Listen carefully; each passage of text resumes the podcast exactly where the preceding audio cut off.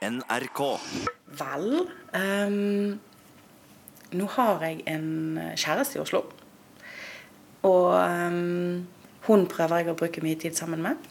Og så har jeg òg eh, noen venner som er, kan brukes til den slags. Er det damer, eller er det menn, eller? Det er Jeg har et par eh, Hva de kaller Gentleman visitors. ikke det det det heter på finten? Jeg har et par elskere. Kraft. Eier man et annet menneske seksuelt? Hvis man er kjærester? Bestemmer man da over hva han eller hun skal gjøre med sin egen kropp? Kan man begrense et annet menneskes fysiske lyst og utfoldelse hvis man har giftering og papirer i orden? Hva kroppen skal brukes til? Og hvordan og med hvem den skal tilfredsstilles? Hvis det ikke gjelder din egen kropp, mener jeg. For dere som følger med i Kraft. For et par måneder siden så var jeg hos Lynn Myrdal. En dame som fortalte at hun hadde én ektemann i Bergen, en damekjæreste i Oslo. To venner som fungerte som elskere i Oslo. Alle visste om hverandre, og alle synes alt var greit. Det finnes folk som kaller seg polyamorøse. Altså en slags nesten-ideologi hvor man sier disse tingene. At man ikke kan begrense andres seksuelle utfoldelse. Og hvor det å ha flere sexpartnere er en del av naturligheten i livet. Da jeg møtte Lynn sist, ble jeg stående og nesten måpe inne på kjøkkenet hos henne av noe av det hun sa. Eh, Det er ikke sånn at fordi om man er poli, så har man trekant på, på kjøkkenbordet mens ungene spiser frokost. Det, du vet hva jeg kaller det? Da, da ringer du barnevernet. Da ringer du barnevernet. Helt enig. Helt riktig. Men hun insisterte på at dette ikke bare var sexgalskap, men en helhetlig tanke om mennesket og dets, så å si, iboende frihet. Og det var en masse jeg ikke fikk spurt henne om. Og nå har jeg tenkt det er en mulighet å gå tilbake til henne.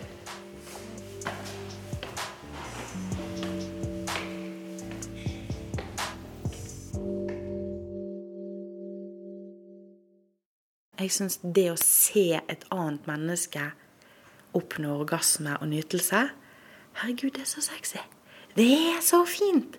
Bare se hvordan ansiktsmuskulaturen forandrer seg. Se hvordan kroppen spenner seg. Og høre pusten, kjenne pulsen på et annet menneske som kommer nærmere og nærmere. Og så plutselig bare eksploderer det! Det er så nydelig. Ja, hun snakker rett ut der andre holder mer ting inni seg. Og et sånt menneske blir jeg så nysgjerrig på. Hvordan har veien vært fram mot å ønske å leve som polyamorøs? Hvordan kommer man dit at man vil bruke livet sitt på å fremme denne saken? For det er det hun gjør, Lynn Myrdal. Hun er leder for interesseorganisasjonen Poli Norge. Det kan du lese mer om på nettet hvis du har lyst. Eh, I livet så går man gjennom flere faser. Også seksuelt. Og Og så kommer det en fortsettelse som jeg ikke hadde ventet meg. For det snur på en måte helt. eh, jeg hadde en periode der jeg var blant annet jeg var deprimert, jeg hadde en del helseproblemer og sånne ting. Da hadde du ikke lyst på sex? Jeg hadde ikke lyst på sex i det hele tatt. Sex var det siste jeg tenkte på. Eh, og jeg var jo da på det tidspunktet sammen med min mann. Og han hadde jo en helt fungerende, vanlig libido. Han tenkte jo på sex. Um, og da var det fantastisk deilig for meg å kunne si til han der Vet du hva? Jeg har ikke lyst til at du skal mase om sex med meg, fordi at nå er jeg et sted der sex er veldig uønsket. Men jeg har ikke lyst til å ta fra deg ditt sexliv. For det er viktig for meg at du får et helt og fullverdig liv, du òg. Fordi om jeg, et helt og fullverdig liv for meg, består ikke av sex for tiden. Jeg håper at du finner noen andre du kan dele det med. Istedenfor at jeg skal frarøve deg din seksualitet fordi om jeg er skrudd av. Det var riktig for meg. Og det er mulig i et poliforhold. Da var det mulig for han og for meg å finne trygghet i det at jeg ikke frarøvet han hans seksualitet fordi om jeg ikke hadde lyst på sex. Og han slapp å føle at han presset noe på meg som jeg ikke ønsket. Så han fant andre damer. Ja. Fant du noen damer til han? Eh, Ja, jeg var litt nede. Jeg jeg var ikke veldig aktiv i den, men, men jeg var litt sånn pushete og, og var litt sånn Men visste du om andre damer som hadde lyst på han, eller? Ja, nei, men det finner man jo ut av. Hvordan da? Hvordan, da? Nei, hvordan finner man ut om man har har lyst på Spurte du henne har du lyst på mannen min? Nei, men det er en sånn fantastisk fin liten ting som heter internett. Viste du han fram, da? du? Vi hadde bl.a. En, eh, en profil på nett som var en parprofil. Og der vi var veldig åpne om at jo, eh, jeg vet om hva som skjer rundt meg, og, og han ønsker andre ting. Og, Og og, da meldte det seg noen på, da.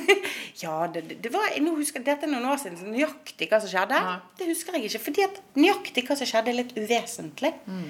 Det viktige var at han fikk lov til å beholde sitt sexliv, sin seksualitet, uten å skulle skamme seg over den, eller uten å føle at han øh, plaget meg med det. Men visste du når han gjorde det sånn da, eller? Ja da. Og, sånn, hallo, takk, nå skal du ut, ha det hyggelig, kommer tilbake om tre timer. Er det sånn? Ja. Ja, og så kom hun tilbake, og så Hva tenkte du på da?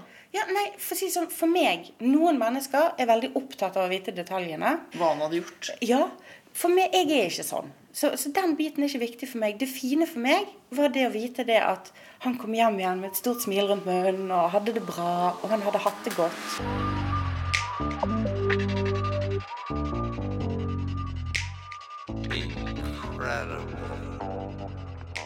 Jeg tenker på sånn, Det er jo sånn når man eh, er sammen med noen at man sitter ved middagsbordet og sier 'Ja, hva har du gjort i dag?' og Ja. «Ja, 'Hva har du drevet med? Hvem har du truffet?' og sånn. Ja, det er jo sånn at vi blander jo Når ungene var små Vi blander jo ikke Altså, polifolk eh, er, er akkurat sånn som andre folk. Vi blander ikke ungene inn i sexlivet vårt. Så når det var ting som skjedde ut av den typen ting, så var det ikke sånn at vi satt og diskuterte det åpent rundt Så det er ikke spagetti og kjøttdeig og orgasmesnakk. Eh, nei. Men når det skal nevnes, så kan det godt være spagetti og kjøttdeig og naturlig prat om det seksuelle. Og naturlig prat om at alt tilpasset hvilken alder unger har og sånne ting. For barn trenger å vite at sex er helt OK. Ja, men Kunne du sagt til mannen din eksempel, at 'jeg har veldig lyst på deg i kveld'? liksom? Ikke på middagsbordet, for det hadde, det hadde jo vært pinlig for ungene. Ikke sant? Det er ikke til å tenke på engang. Og det kverner en liten tanke i hodet mitt hele tiden. Om dette er en slags ideologi, eller bare litt utflytende greier som er satt i system. Men så kom det vel ut av det der med at du ikke orka så mye sex, og så fikk du lyst på Ja, sex? jeg, um, det skjedde faktisk uh, på en hyttetur. Jeg var på en hyttetur med, med noen venner. Vi var på dykketur. Og så um, På den hytteturen så var det en uh, en kompis av en kompis som jeg plutselig fant litt attraktiv. Og det var litt sånn overraskende på meg, for liksom sånn, det var en stund siden jeg hadde egentlig tenkt på noen i det hele tatt på en seksuell måte. Så det jeg da tok og gjorde jeg, um, Han var veldig flørtete. Uh, og jeg følte liksom at Hei, dette her uh, This works. Hei, she's awake. Koste vekk støvet. Så det jeg da tok og gjorde, da, da um, flørtet jeg litt med han og følte på den stedet. Det var så godt. Det var så godt å føle det der med at kroppen min våkner. Han virker. Og så tok jeg og eh, ringte min mann og sa Du, vet du hva som har skjedd? Jeg, um, jeg, jeg, jeg, har truffet en, en eh, Og så forklarte jeg hvem det var, sånn og sånn og sånn. Og, og jeg tror faktisk at kanskje jeg har lyst på, på sex. Og han, min mann var jo kjempefornøyd. For liksom Yes! Du er våken! og han var liksom Ja, kom igjen, kom igjen. Go for it. Nyt deg. Kos deg. Og så kanskje du tar med deg hjem litt ut av den nyvåknede seksualiteten din igjen.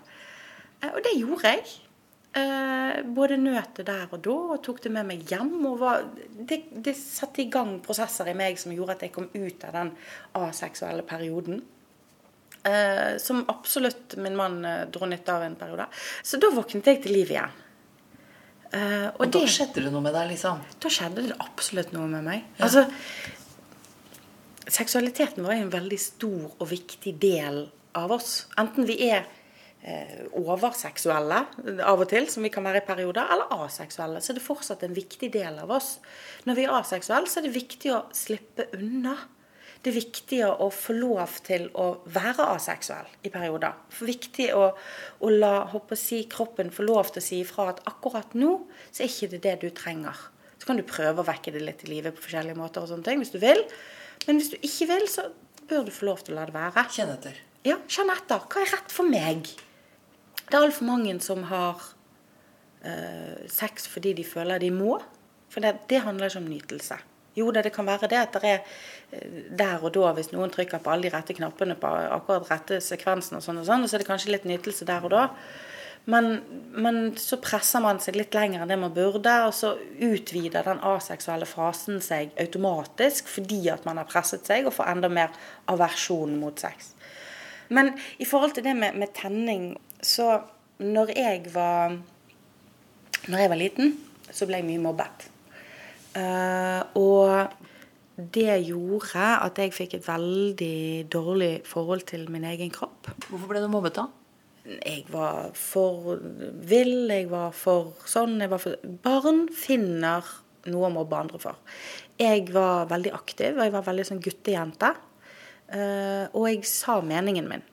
Så da Når jeg da oppdaget seksualitet Rundt 12-13-årsalderen så oppdaget jeg at kroppen min begynte å bli kåt. Eh, det skjedde noe her. Eh, så hadde jeg en Dessverre Eh, en veldig skinkig start på det med sex.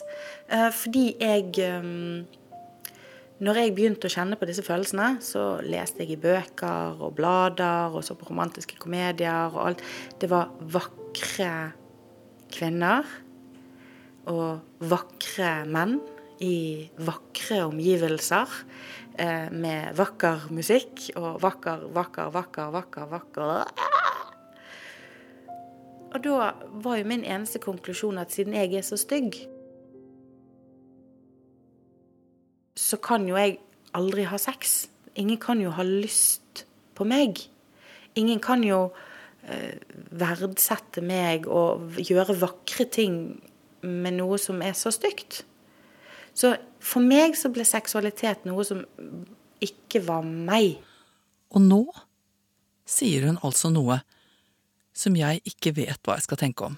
Og hjernen min, fantasien min for Når man våkner seksuelt, så, så begynner hjernen å prøve å finne løsninger. Sant? Løsningsorienterte greier. Så hjernen min sin løsning på det med seksualitet eh, ble det med å gi opp makt. Hjernen fant en måte å gjemme vekk kroppen min på, og gjøre meg i mine fantasier i mine første seksuelle fantasier som ungdom når jeg ikke visste hva det gikk i, så handlet det veldig mye om å bli, eh, bli brukt som bare en seksuelt objekt. Eh, ikke, man trengte ikke bry seg om denne tingen her, for dette var ikke vakkert, og sånne ting, men man kunne bruke det. Eh, og da, da fant hjernen min ut at OK, hvis hvis man ble puttet i en boks og bare tits og Merkelige bokser, da. Men bare tits og, og, og, og kjønnsorganer var synlige og sånne ting, så kunne man bli tits. Pupper. Pupper, pupper. Pupper, unnskyld. Pupper og kjønnsorgan var det eneste som var synlig fra denne boksen. liksom, Og så ble det brukt, og sånn og sånn, og så, kunne, så, slapp jeg å se de som gjorde noe med meg, og så gjorde de noe med meg, og så ble jeg tilfredsstilt med det, liksom. Eh, det var min måte å komme rundt det at jeg hadde et selvbilde som sa at jeg var forferdelig stygg. Og hvis noen tok på meg, så, så ble de kvalm. Og hvis noen eh, kjente lukten av meg, så begynte de å spy. Altså, det var sånn som barn sa til meg. Um, og det har jeg da tatt med meg gjennom hele voksenlivet mitt. Uh, og jobber fortsatt med. Å finne min selvtillit. Og finne min stolthet over egen kropp. Du, den boksen. Ja. Det høres fryktelig trist ut. Ja, men vet du hva? For meg, for meg så var de fantasiene en tillatelse til å ha nytelse.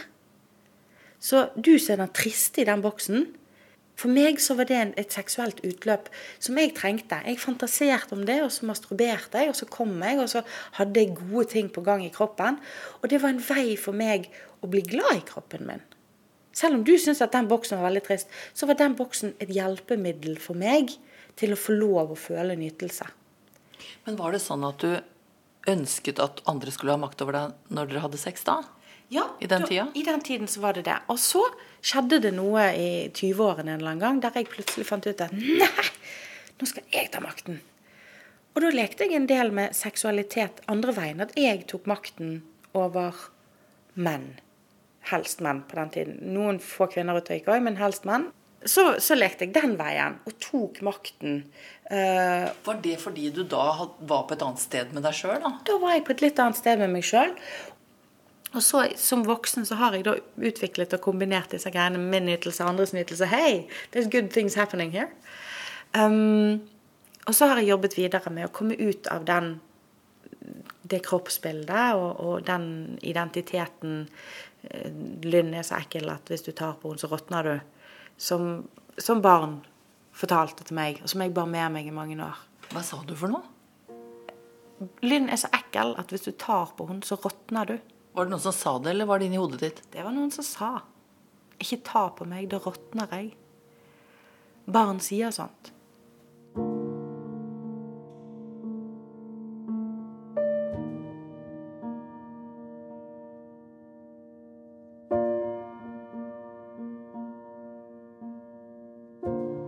Hvem er glad i seg sjøl?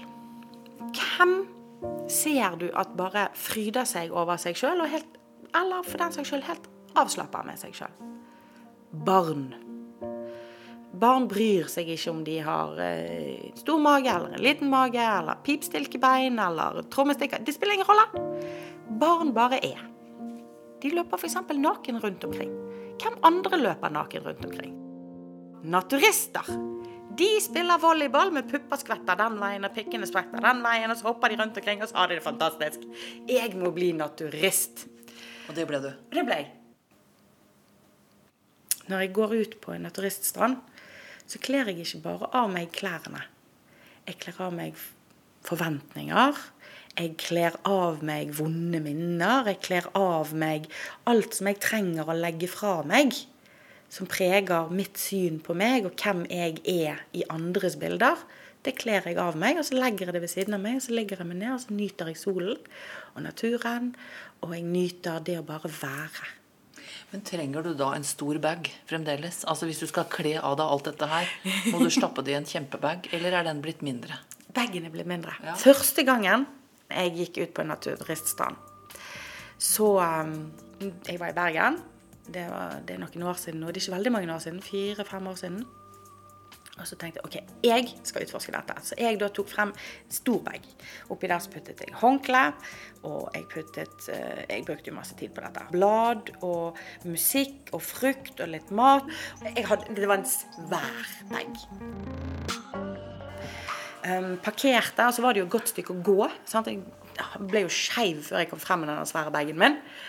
Ut der, og så kommer jeg liksom gjennom skogen og sånn og sånn. Og plutselig så åpner det seg en liten lysning, og der ser jeg noe sånn litt berg. Uh, og så fikk jeg litt panikk. At de kikker på deg, mener du? Ja, tenk om noen ser på meg. Så så jeg at stranden, det var en liten bukt uh, med en gressplen bakom og litt trær, og det var varmt i været, og det var kjempekoselig. Og vannet var ganske stille. Og så ser jeg at når, hvis jeg går over forbi alle de andre her, det var ikke så mange, det var fem, seks, syv, åtte, ti, tolv Og der tenkte jeg der kan jeg ligge, for da får jeg være litt sånn for meg sjøl Gjemme deg litt. gjemme meg litt. Så kommer det en båt akkurat rundt der som jeg da tenker Å, ja, nei, de må jo bare kjøre videre, tenkte jeg. Var du naken da? Nei, nei, nei. Jeg hadde fortsatt på meg T-skjorte og um, shorts og BH. Hadde de, det hadde jeg på meg. Og så den båten, da. Det var en gjeng med mannfolk som satt på flybridgen og pilset og slå seg på brystet og være maskuline. Og så tenkte jeg ok, nå må jeg finne frem alt her, for jeg har ikke lyst til å kle av meg når de er der. De De stoppet båten rett ut forbi der som jeg lå. Og så um, satt de der og drakk og pilset. Og jeg, faen, hva gjør jeg nå, da? Og så plutselig så roper de til meg fra båten. så roper de, Få se noen pupper, da!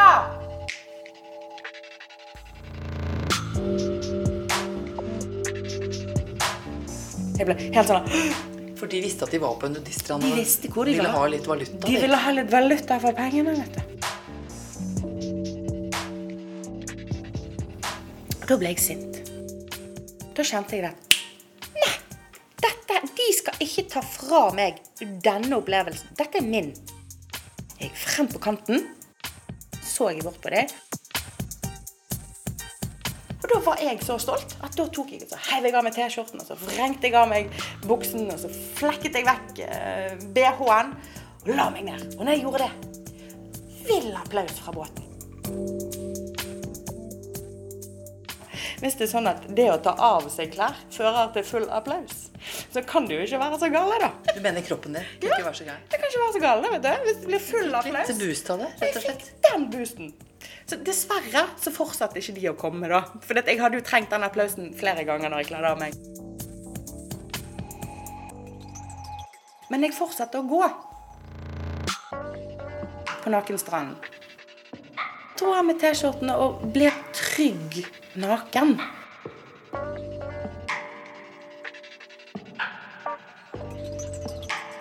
Det er en rar historie. Om et modig og utforskende menneske. Lynn sjokkerer meg, og jeg føler på en rar måte medynk med en liten Lynn som hadde en smertefull vei, fant sin fullstendig hjemmegjorte terapimåte, som jeg ikke tror en eneste behandler ville anbefalt, og som sitter og smiler i dag med én ektemann, én damekjæreste og to friends with benefits. Og jeg har gjort et valg underveis. Jeg tror smilet er ekte. Hvis du skal uh, fortelle hvordan din kropp er, Ok. sett utenfra Jeg er liten, jeg er ganske lav, og så er jeg litt tjukk. Jeg har masse pupper, og så har jeg litt for lite rumpe og hofter, så jeg er litt sånn tung, topptung. Eh, Og så har jeg breie skuldre, så jeg er ikke sånn smal og feminin og sånn som, eh, som eh, glansede ukeblader forteller oss at vi skal se ut. Jeg er absolutt ikke der.